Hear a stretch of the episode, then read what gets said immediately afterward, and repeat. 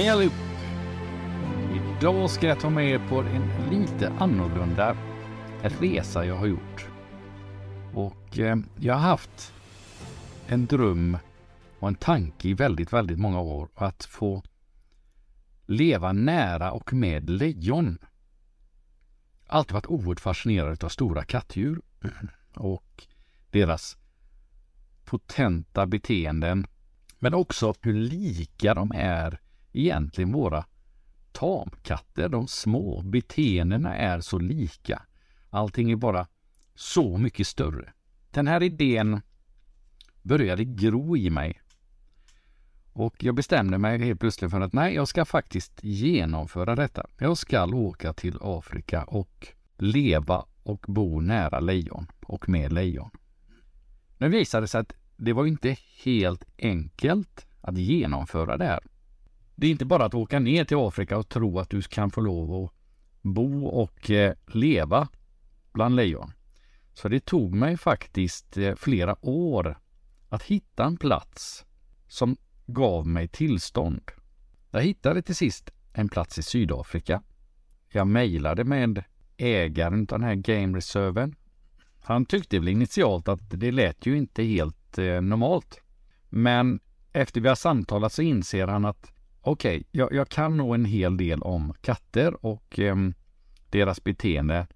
Eh, och han sa, vi gör så här. Du kommer ner och så testar vi och ser om du har det som krävs för att faktiskt leva bland lejonen och med lejonen. Och är det så att jag anser att du kommer klara av det så är du varmt välkommen att stanna och göra det du vill göra. Och sagt och gjort, jag plockade ihop all min utrustning. För tanken var att jag skulle faktiskt göra en bok om det här eh, och dokumentera hela den här situationen och känslan av att vara nära på det sättet hela tiden, de här stora kattdjuren. Så jag flyger till Sydafrika, kommer till den här game reserven och eh, vi pratar en stund och vi åker ut till lejonen, hittar dem eh, och Graham säger till mig att ja, nu går vi ur jeepen och så gick vi ut och, och han märkte ganska snabbt, Graham, att okej, okay, jag hade en hyfsad aning om vad jag gjorde. Så han säger till mig att okej okay, Tom, du kan nog eh, överleva detta så att du får faktiskt lov att stanna. Vilket var ett oerhört positivt eh, besked för mig och gjorde mig väldigt glad. Men det var ju bara första delen. Andra delen var ju att, att få lejonen att lära känna mig och låta mig vara delaktiga runt omkring dem utan att de känner någon irritation eller hot eller något sådant. Jag ville inte ha en vanlig safari-jeep att sitta i. Utan initialt ville jag ha någonting annat så att de förknippar det bara med mig. Och det visar sig att på skroten så hittar jag en gammal sån här pickup. En Toyota pickup rejält fallfärdig måste jag säga. Det fanns ingen bakruta och förardörren gick inte att stänga ordentligt och förardörren var så pass sönderrostad i gångjärnen att man fick liksom haka på den och då var det fortfarande ett stort glapp ner till i dörren, vilket senare skulle visa sig eh, vara en stor fördel. Men oavsett så fick jag lov utav dem att eh, använda den här, så jag gjorde i ordning den, satte galler bak på och fick ordning på det mesta och lite senare så begav jag mig ut till lejonen. Och hela tanken med det var ju att de ska lära känna min doft och min stämma och att jag finns där med dem hela tiden. Och det var det jag gjorde i början. Var nära så de kände. De kom nära jeepen eller den här pickupen och ganska snart så blev jag accepterad. De tillät att jag var runt omkring dem utan att de egentligen brydde sig så mycket om mig. Och det var i det här läget jag då kunde gå ur jeepen och vara utanför jeepen istället. För att oftast handlar det om, den här flocken var ju nio individer, det handlar om att du ska pinpointa vilka individer som är vilka. För de är stora individer. Alltså de, de här kattdjuren var väldigt stora individer. De var ju nio stycken, varav fyra stycken var ungar halvstora ungar. Eh, inte, inte rejält stora utan knappt året. Och sen var det fem stycken vuxna. fyra honor och en hane. En gigantiskt stor vit hane. Det är något av det största lejonhane jag har sett. Han hade också en man som var extremt vacker. Jättestor och alltid överdrivet väl välkammad och välpolerad såg han ut. Det, det var nästan till sist sådär halvsurrealistisk känsla när, när jag hade levt med dem ett tag. Och oavsett vart han kom ifrån, han hette Sau, eh, vart än Sau kom ifrån så var det som om att han hade haft en hel stab utav folk runt omkring sig innan han kom ur buskarna som hade fönat och kammat och riggat och gjort i ordning honom för att han skulle kunna glida in på den här fantastiska scenen och visa upp sig. Till och med när han hade ätit så dröjde det inte många minuter innan manen och hela ansiktet var vitt igen. Så det var en mycket märklig upplevelse. Bland honorna däremot så fanns det en hona och hon markerade ganska tydligt. Hon uppskattade inte mig. De andra brydde sig egentligen inte alls. Allra minst brydde sig Sao. Det, det dröjde inte många dagar innan han fullständigt ignorerade mig. De flesta utav honorna var likadana. Men det fanns ett undantag. Och det var en utav honorna som på något sätt blev irriterad. Jag använde ju kameran ganska mycket. Hon tyckte inte om det här ögat som stirrade på henne som det blev när jag hade med mig kameran. När de andra låg stilla och lugnt så låg hon också ofta stilla och lugn. Så det, det var inte ett problem så att hon blev stressad. Men ibland så drog hon sig bakåt. Och då visste jag att hon inte bara drog sig bakåt för att hon var irriterad på mig, utan hon ville utflanka mig, det vill säga gå runt mig och försöka ta mig ifrån ryggen. Så att varje gång jag såg henne röra sig bakåt handlade oerhört mycket om att jag rörde mig också väldigt fort därifrån. För att mycket snabbt så kom hon tillbaks där jag hade varit. Det tog i alla fall ett antal dagar. Jag använde bilen ganska mycket och som sagt till sist när de accepterat så använde jag bilen mindre och mindre. Men under den här första perioden så var det så att just den här honan som inte var jätteförtjust, hon kom till jeepen och la sig precis vid sidan om där förarsätet är. Och anledningen var ju förmodligen att det var skugga där. Men det gjorde ju att jag kunde ju inte fotografera när hon ligger nedanför. Det var inte så långt ifrån hennes huvud när hon ligger ner till kanten utav fönstret för mig. Så att jag kunde inte gärna ha fönstret nervevat när hon låg där. För skulle någonting komma ut eller jag skulle sträcka mig ut eller någonting, då skulle hon väldigt snabbt grabba tag i mig. Att ha henne liggande där blev ett problem. För att så fort jag kom och ställde bilen, eh, fortfarande i början av resan, hon la sig alltid där. Och då började jag fundera på hur ska jag kunna få henne att sluta lägga sig där? Och då funderade jag på om jag skulle hälla lite vatten på huvudet av henne. Men inser att för att göra det så måste jag veva ner rutan, ut med armen, hälla vatten varvid att hon naturligtvis kommer lyfta blicken och jag kommer aldrig hinna få igen fönstret för de var så sega de här fönstren. Så när jag sitter där i, i värmen eh, och tittar så ser jag ju ner där dörren inte gick att stänga.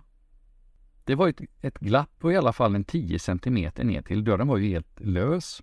Hängde egentligen bara på låsanordningen och lite grann i gångjärnen. Då ser jag ju hennes sida, hennes päls. Och får en sån här plötslig infallsidé om att, vänta nu lite, om jag nyper henne så kanske hon blir rädd för att ligga där.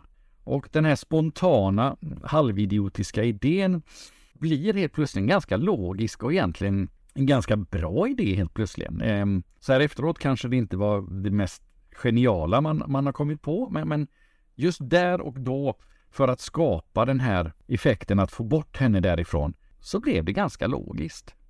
Eh, sagt och gjort. Jag sträcker mig ner, får ut handen. Hon ligger ju med hela ryggsidan mot, så hon ser inte, märker inte. Och så tar jag tag i sidan på henne och så nyper jag allt jag kan. Och exakt den sekunden jag nyper henne vrålar hon ut, flyger upp i luften. Jag hinner snabbt få in min hand. Hon flyger upp i luften och vänder sig om i luften och min första tanke var att nu går det ett helskotta. För dörren kommer aldrig hålla om hon trycker till dörren. Den kommer bara ramla av. Förmodligen trodde hon att det var en orm eller något annat som hade bitit henne i sidan. Men resultatet blev faktiskt riktigt bra. För hon la sig aldrig på den sidan av bilen igen. Jag bodde i tält och eh, lämnade katterna under natten eh, för att jag ville inte vara nära dem nattetid. För det vore faktiskt att riskera alldeles, alldeles för mycket. För att när de går och jagar, då är, blir jag ett byte. Jag kan inte se dem som jag kan göra dagtid. De kan mycket väl plocka mig nattetid utan att jag ens hinner reagera. Så att jag sov i tält en bit därifrån. Så hade jag en liten solstol eller en liten stol utanför som eh, man kunde sitta i och jag, jag satt mycket där, eh, eller ganska ofta ska jag säga, inte ibland, utan ganska ofta så är det det katter gör mest är att sover. Så att mitt på dagen så där, då lägger de sig i buskarna och eh, hittar skugga och så sover de.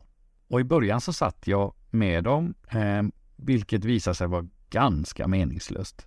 Från 12.1 fram till 4, 3-4 så var de helt utslagna. De orkade inte röra sig överhuvudtaget. Om solen flyttade sig lite, att de fick lite sol in på där de låg, så kunde man i bästa fall kanske lyfta på sig och gå in lite i skuggan.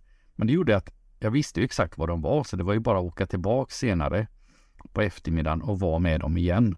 Och det gjorde att mitt på dagen så hade jag den här pausen. Då kunde jag åka tillbaka till mitt tält, sitta ner, ha lite lunch, gå igenom lite bilder, skriva ner mina iakttagelser och mina upplevelser under dagen, hur de interagerar med varandra, vad gör de, hur beter de sig? Det fanns mycket som, som jag ville dokumentera. Men det fanns mycket apor i området. Både babianer och grön markatta fanns i området. Eh, och framförallt den gröna markattan är en liten buse. För att de studerar en ganska ingående och det minsta mat eller något sådant du lämnar kommer de att försöka ta. Det gör att de lär sig väldigt fort att dra upp blixtlåset i tältet. Har du inte låst dina väskor och allt sånt där så kommer de att öppna den, rota igenom, stjäla. Alltså rena inbrottstjuvarna. Jag satt ju oftast utanför där och tog någon lunch. Det var ganska vanligt att markatterna var runt omkring och tittade. Och eh, vid ett tillfälle så sitter jag inne i tältet och skriver och har då öppnat min resväska för där har jag lite sådana här snackbars och sånt där. Tältduken står halvt öppen för att få in lite luft. Märker inte att helt plötsligt så har en, en grön markatta smögit sig in i tältet, bort till min resväska, lyft locket, tagit en sån här bar och när jag skymtar någonting i ögonvrån och vänder mig om och tittar så med nästan med leende på läpparna håller den här gröna markattan upp den här baren och så rusar han ut genom tältduken. Upp i trä, jag efter och tittar och där sitter han där uppe med ett stort leende på läpparna, drar isär den här förpackningen och mumsar i sig min bar. Då lärde jag mig ganska fort att det gäller verkligen att sätta på ett hänglås. Även om jag sitter där så kommer de att försöka bryta sig in. Eh, så jag fick ju låsa varje gång och se till att dra ner ordentligt när, även när jag satt där för att då hörde jag åtminstone om dragkedjan började gå upp. Vid en lunch jag kom tillbaks eh, så var min solstol borta. Och det tyckte jag var lite konstigt för att det var liksom inte folk så i omgivningarna och det var mitt på dagen. Så jag gick runt och letade och tittade. Eh, fanns ingenstans. Och så helt plötsligt så tittade jag uppåt. Så uppe i träd sitter min solstol. Då är det någon av aporna som har tyckt att det där var en kul sak. Den där satt han ofta i och undrar just varför han gjorde det. Så då har de varit nere, stulit den, släpat upp den i träet. Sen upptäckt att nej, den var kanske inte så rolig i alla fall. Men där var min solstol resten av resan.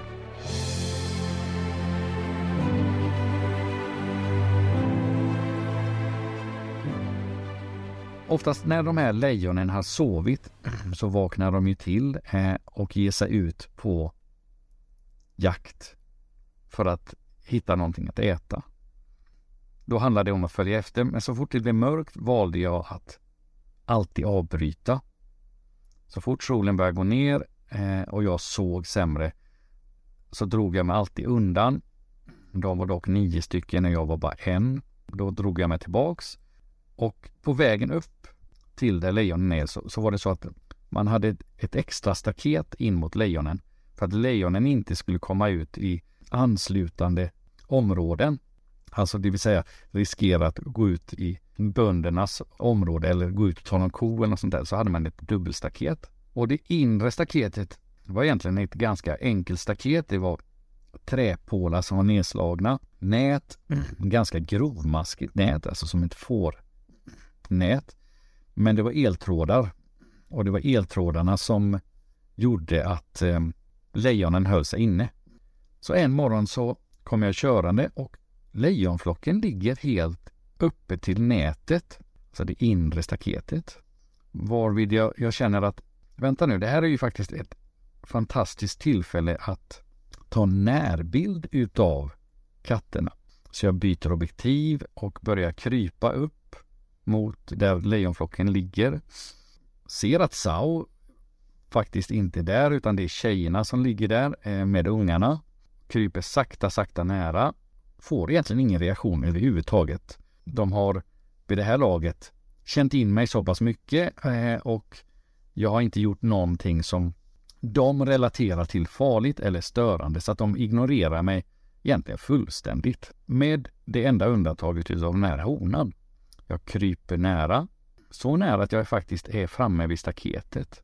Då sträcker jag in handen, för jag vill inte ha med nät och jag fotograferar med vidvinkel. Precis när jag drar in handen och tittar och fokuserar på honan som ligger närmast och ungarna lite i bakgrunden så ser jag i periferin att den här honan hon reser på sig. Precis när jag trycker av så blir hon väl så irriterad att hon hoppar på staketet. Varvid att jag hör de här trästagen som står börja ge efter. Men som tur är så bryts de inte av utan de sviktar tillbaks. För min första tanke var att oh shit, det enda fördelen här är åtminstone att hon kan inte äta mig genom nätet. Men den sviktar som tur är tillbaks och hon hoppar tillbaks, vrålar och har markerat väldigt tydligt mot mig att eh, nu är det dags att du ger dig av. Eh, och det ehm, var en adrenalinhöjare kan jag säga utan tvekan. Det var inte första gången jag blivit attackerad utav lejon. Eh, däremot var det första gången det var så nära. För oftast när man är ute och går med lejon så brukar det vara hanen eller någon hona som markerar att du har kommit för nära. Och ibland ser man inte lejonen. Eh, ibland så är man nära och ingenting sker. Men det gäller hela tiden att de är medvetna om att du är där. Jag har varit ute och gått ett antal gånger där jag inte varit medveten om att en hane, inte Sao men andra hanar, eh, varit i närheten och deras reaktion är då att komma ut och informera dig om att nu har du kommit för nära och du ska hålla dig på ditt avstånd. Och när de rusar fram och vrålar och ryter, första gången är det ganska skräckinjagande. Det är det utan tvekan. Eh, sedan lär man sig att stå still, då markerar den, stå kvar en liten stund och sen går den iväg varvid du kan sakta backa. Det man aldrig någonsin får göra utav några sådana här djur, det gäller både lejon och elefant till exempel, det är att vända sig om och springa. Du kommer inte undan. De kommer ifatt dig. Och framförallt en katt, det vet ni som har vanliga huskatter hemma, att om du drar någonting snabbt eller irrationellt framför den så kommer den att reagera och kommer se det som en lek och en möjlighet att faktiskt plocka den. Det är lite grann som en, en katt som jagar någonting. Om det den jagar stannar upp och är så pass stort så kommer katten också stanna och ganska snabbt förlora intresset för det som den jagar. Om det är den känner att det är så stort att den inte kan rå på det. Så därför alltid stå still, eh, och sen ta sig därifrån. Jag tillbringade mycket tid ute att gå för att se dem, vad de gör och det kändes bättre att vara gående för att jag kunde sätta mig ner, jag, jag kunde se vad ungarna gjorde och till sist var, brydde sig ungarna inte alls om mig. Och, och de lekte och tumlade runt och grejade. Och det gav en, en bättre känsla. Men det gjorde också att jag gick mycket i det här torra gräset, i det halvhöga gräset. Vi i Sverige har ju en, en sjukdom som heter borrelia, som är fästingburet. Man har en likartad sjukdom i Afrika, men den heter African tick fever. Och den här fästingfebern är mycket mer aggressiv än våran borrelia.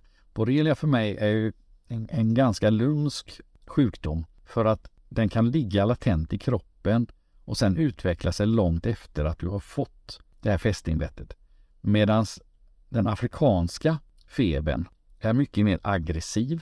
Den utvecklar mycket snabbare en sjukdomsbild varvid du blir sjuk, får hög feber eh, och blir du inte behandlad inom ett par veckor så leder den till döden. Och den, den behandlas egentligen precis som med den, svenska, alltså med antibiotika. Så det är ju ingen svår sjukdom på det sättet. Men den måste behandlas. Och eh, efter ett par dagar jag hade gått runt så sitter jag där i mitt tält och så tycker jag att vad väldigt vad mycket småsten och smågrus jag har på benen och upptäcker då att jag har massor utav fästingar. Allt ifrån jätte, jättesmå som små pepparkorn till lite större och alla sitter fast. Jag försökte börja plocka men inser att det, det, det var alldeles för mycket jobb. Jag, jag, skulle liksom inte få ordning på det där. Så då gick jag och hämtade tandkräm för det hade jag hört. Eh, man kan smörja in ett tjockt lager med tandkräm så får de ingen syre och så dör de. Det enda som är nackdelen med det, det är ju att när de dör tydligen så att avsöndrar de saliv in i och har de då den här afrikanska febern så kommer du oundvikligen att få den. Mm. Det var inte så mycket val utan jag smorde in benen och lyckas få bort i princip allting. I slutet av resan så märker jag att jag faktiskt blev, börjar bli lite påverkad. Då tar jag test och upptäcker att jag har afrikansk fästingfeber.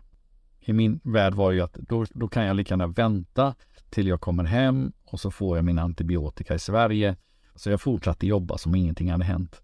Eh, det, det komiska var när jag ringde svensk sjukvård och berättade för dem att jag har fått afrikansk fästingfeber och eh, jag behövde den här och den här penicillinen i den här styrkan så blev man helt tyst. Nej, det kan vi inte skriva ut. Vi, vi måste veta vad det är du har fått. Jag sa, det är ganska enkelt. Jag har fått den här afrikanska fästingfebern så att det, det är egentligen bara att ni skriver ut. Nej, sa de, det, det går inte. Du, vi får koppla dig till eh, infektion. Eh, så jag blir kopplad till in, infektion varvid en underbar dam, en kvinnlig läkare svarar och jag förklarar vad jag har gjort, att jag har varit i Afrika och jobbat och att jag har fått den här afrikanska fästingfebern. Jag behöver den här antibiotikan i den här styrkan. Varvid läkaren började skratta och sa ehm, Jag förstår inte varför du eh, blir kopplad till mig för du vet ju redan vad du ska ha. Och dessutom vet du vad det är du har. Men jag gör så att jag skriver ut lite antibiotika och så mm, tog jag de här tabletterna och eh, sen var problemet ur världen. Eh, en annan sak man ska vara väldigt medveten om när man bor som jag gjorde i tält är ju att du har en del krypande saker runt omkring. Jag blev beten utav en spindel, men som tur var inte en av de giftigare spindlarna. Alla spindlar i världen är giftiga, även svenska spindlar faktiskt. Eh, men väldigt olika i styrka. Och eh, det här visar sig vara en av de snällare arterna så att jag satt och jobbade på sängkanten och flyttade mig lite bakåt och förmodligen har en spindel krupit upp precis baksidan, vid baksidan av låret och när jag flyttar mig bakåt så blir den väl klämd och försvarar sig genom att bita. Eh, gjorde inte speciellt ont. Däremot så giftet gjorde att i storleken av en femkrona så, så ruttnade köttet eh, och luktade ganska illa. Så att man ska vara lite försiktig också med insekter och sånt. En annan sak ni kan tänka på om ni är ute och reser faktiskt. det är oftast att fjärilslarver som är oerhört vackra med långa sprön och ser ludna ut, oftast är giftiga. Så rör inte dem, ta inte i dessa. För det kan faktiskt få en effekt på dig. Eh, framförallt om du dessutom är det minsta känslig mot till exempel getingar eller något annat så kan du få en ganska allvarlig reaktion.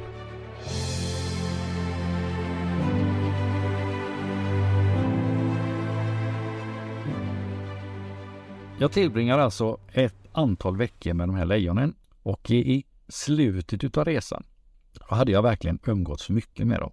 Och som sagt förut, Sao han ignorerade mig fullständigt. Varje morgon var han ju där, noterade att jag kom. Eh, jag tillbringade ett x antal timmar med honom. Och sen när de rörde sig, framförallt på morgonkvisten, kunde jag följa efter dem, gå ett, en viss rutt. De är territoriella så att han dessutom oftast nattetid gick runt och markerade sitt territorium. De, men de gick oftast ner till ett vattenhål och drack vatten, gick upp i buskagen och la sig och sova. Och det gjorde ju att man fick den här närheten till dem. Och det kändes som att jag blev fullständigt accepterad. Med det ena undantaget utav just den här honan som absolut inte accepterade mig. Sista dagen jag eh, var där, jag hade egentligen väntat och hoppats på att det skulle börja regna för det var precis slutet för torrperioden. För jag ville så oerhört gärna se Saus fantastiska man bli blöt och när de skakar sig hur vattnet sprutar ur den här enorma manen. Och kommer faktiskt till sista morgon. Kvällen innan hade det börjat mullra, um, var ganska mörkt, men inget regn. På morgonen är jag uppe hos lejonen. Då är det rejält mörkt, eh, men inget regn. När jag åker tillbaka och packar ihop för att åka till flygplatsen så börjar det regna. Då skyndar jag mig in i jeepen, tar med mig en kamera, skyndar upp mot området där jag sist lämnade lejonen. Och det var de inte. Eh, och, och, och, då blir man ju lite så här, regnet strilar och hittar inga lejon. Eh, jag åker tillbaks och inser att tiden kommer vara oerhört knapp. Så på väg ur det här inre staketet så kommer Sao gående. Och jag har aldrig sett Sao nere i det här området förut. Utan han kommer gående. Eh, jag stänger grindarna. Eh, han kommer gående ner mot mig. Jag tar fram kameran. Han kommer fram, eh, tittar. Regnar rejält nu. Det öser ner. Varvid han blir jätteblöt. Och så skakar han om manen rejält. Tittar på mig, vänder om och så går han rakt ut i bushen igen. Jag, jag kunde inte fått ett vackrare avsked utav Sao än vad jag fick den morgonen. Det var precis som om att han visste att jag skulle åka därifrån. Jag fick den här fantastiska bilden när vattnet sprutar och det var också sista gången jag såg Sao. Det är fortfarande, trots att jag sett massor av lejon, det vackraste lejonhane jag någonsin har skådat. Och omslaget på boken som sen kom var ju naturligtvis på Sao när han kom gående ur buskar eh, en, en solnedgångskväll. Det var en fantastisk upplevelse att få leva så nära ett så stort och potent djur. Och leva på deras villkor. För att jag var bara gäst. Jag besökte deras hem och fick verkligen uppföra mig därefter.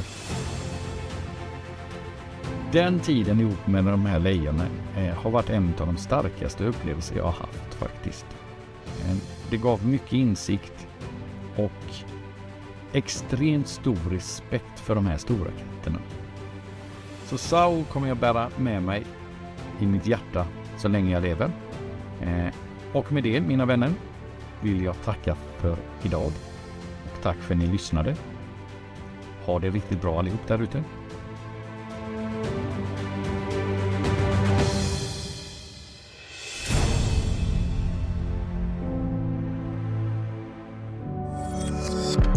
Thank you for listening to this Polpo original. You've been amazing.